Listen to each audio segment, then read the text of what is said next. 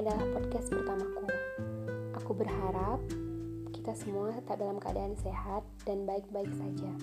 Tetap semangat ya, walaupun kita dalam kondisi work from home dan study from home. Hmm, dan untuk teman-teman, saudara-saudara semua yang sedang menjalani ibadah puasa, selamat puasa ya, dan semangat untuk menjalani hari-harinya. Sebelumnya, aku perkenalkan diriku dulu. Aku Gita Sari Brutarigan dan aktivitas keseharianku adalah seorang mahasiswi di Universitas Sumatera Utara. Hmm, sekarang, di usia aku yang sudah memasuki usia 20 tahun, saya sudah berada di semester 6, eh, hampir 3 tahun penuh menjalani masa perkuliahan di Universitas Sumatera Utara.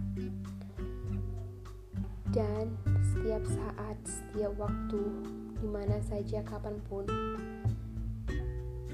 setiap harinya waktu sebelum tidur yang terbesit yang selalu ada dalam pikiran saya adalah apa yang sudah saya lakukan dan apa yang akan saya lakukan.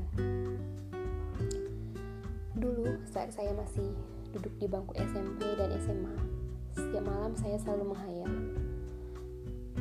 Um, nanti saya harus bisa sukses. Saya harus mempunyai usaha yang hmm, usaha yang berhasil, saya bisa saya mempunyai karyawan yang banyak, saya mempunyai usaha yang baik.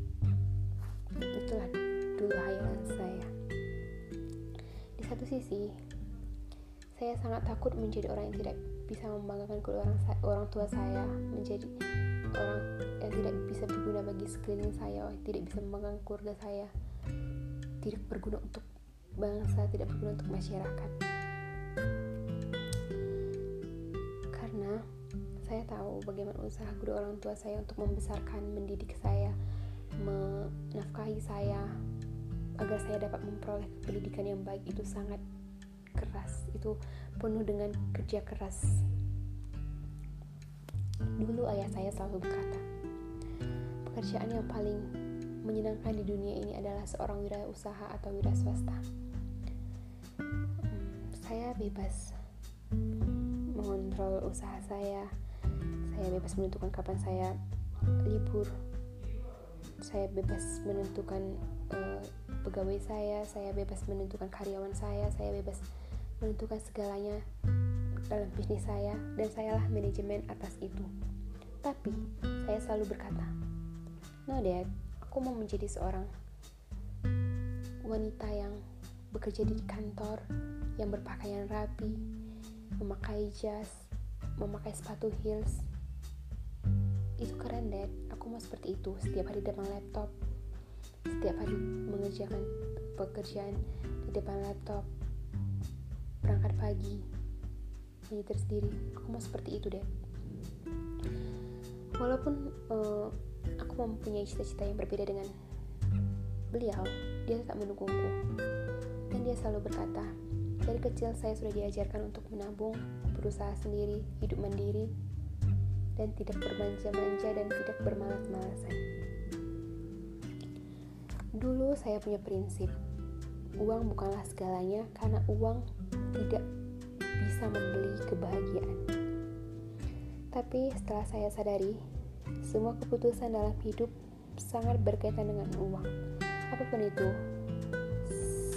setelah saya menjadi dewasa ini, saya berpikir saya lebih berpikir lebih maju, saya menjalani lebih banyak pengalaman, mendapat lebih banyak pengalaman dan dari situ saya simpulkan semua yang berkaitan dalam hidup saya membutuhkan uang. Contohnya, mulai saya dari bangun pagi, aktivitas pertama saya saya mandi. Di saat saya mandi, saya membutuhkan sikat gigi, odol, sabun, sampo, conditioner, dan lain sebagainya itu dibeli menggunakan uang. Setelah saya mandi, saya sarapan. Saya sarapan menggunakan susu, roti, ataupun nasi, menggunakan lauk, semuanya juga dibeli dengan uang. Apa pun itu, semuanya dalam hidup saya membutuhkan uang. Jadi, dari sini saya simpulkan apa pun itu berkaitan dengan uang. Dari sinilah saya berpikir untuk bagaimana cara, cara saya agar saya bisa menghasilkan uang tersebut agar saya bisa meng, menghidupi diri saya sendiri.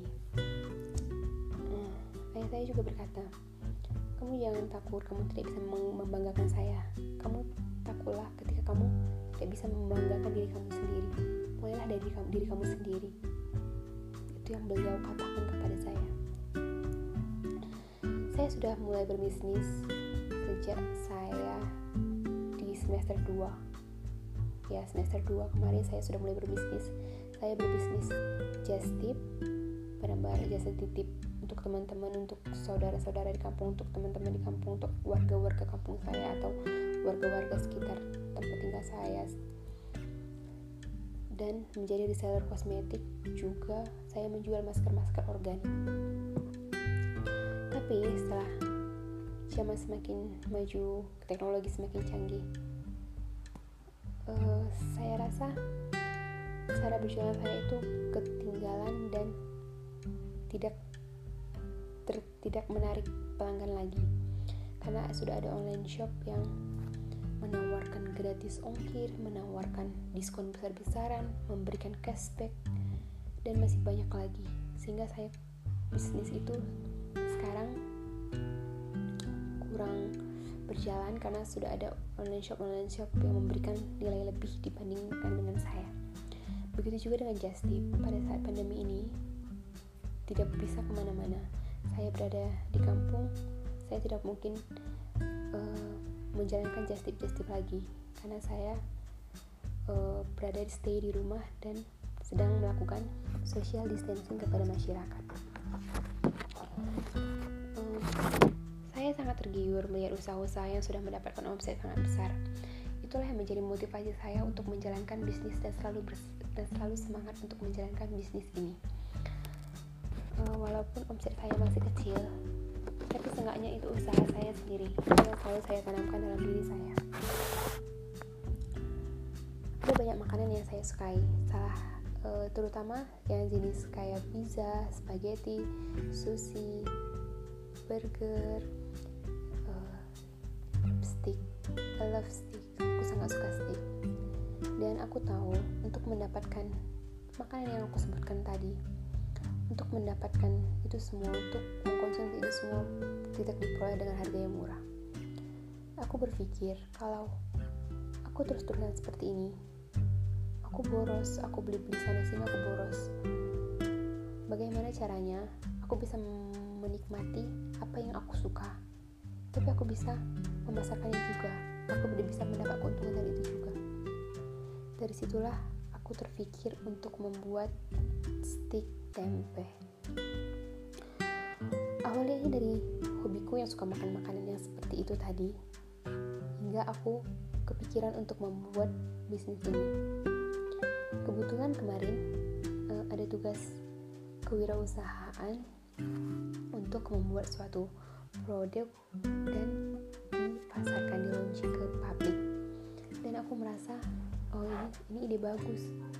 Uh, dan aku sarankan ke teman-temanku semua. Dan yang lain juga setuju. Karena di stick tempe ini kami menggunakan bahan yang baik uh, tidak menggunakan pengawet tidak menggunakan micin semuanya itu dibuat dari rempah-rempah dan diolah dan diolah sendiri dan yang membuat teman-teman saya dan saya itu kalau bisnis ini akan maju karena tempe adalah salah satu makanan yang sehat Tempe juga bisa dikonsumsi mulai dari anak kecil sampai orang tua sekalipun. Dan yang paling penting, di sini kami menjual stik tempe dengan harga yang ter sangat sangat terjangkau.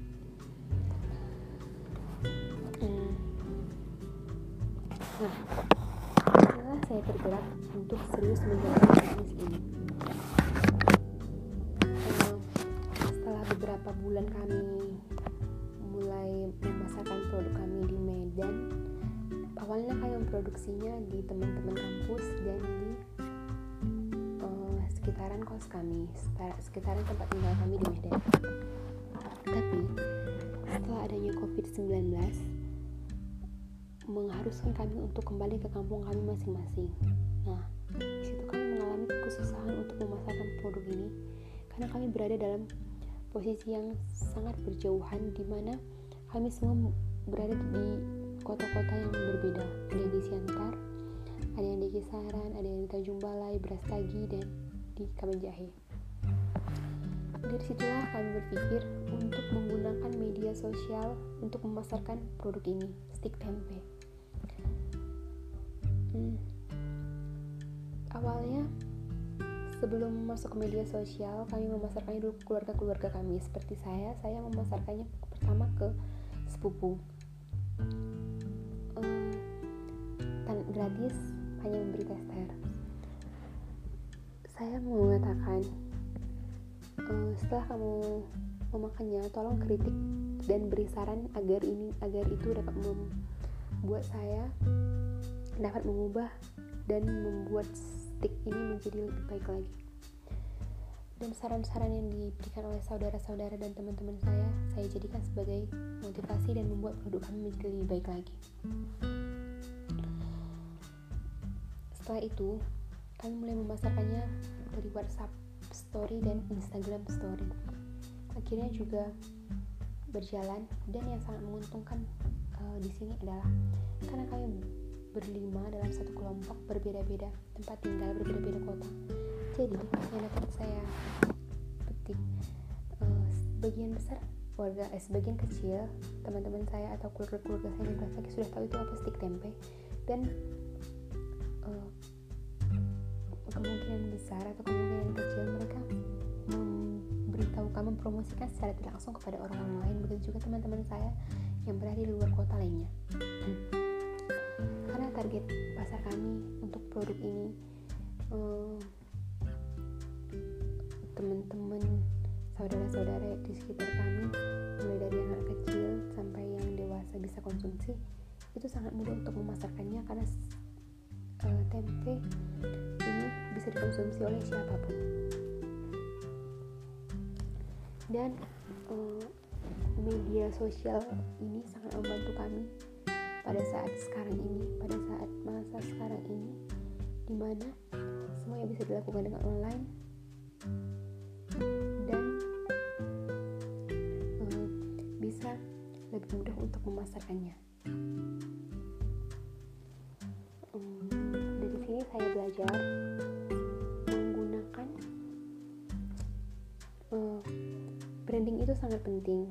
Menggunakan nama itu sangat penting agar diingat oleh orang lain. Dan stick tempe ini kami pasarkan untuk masyarakat bisa menikmati makanan yang lezat tanpa uh, harus memikirkan kolesterol karena biasanya stick itu uh, identik dengan daging tanpa harus memikirkan penyakit-penyakit lainnya karena pengawet dan micin karena kami menggunakan pure bahan alami dan bahan-bahan yang sehat sekian podcast dari saya. Semoga dapat membantu dan semoga teman-teman semua tetap semangat dalam menjalani Terima kasih.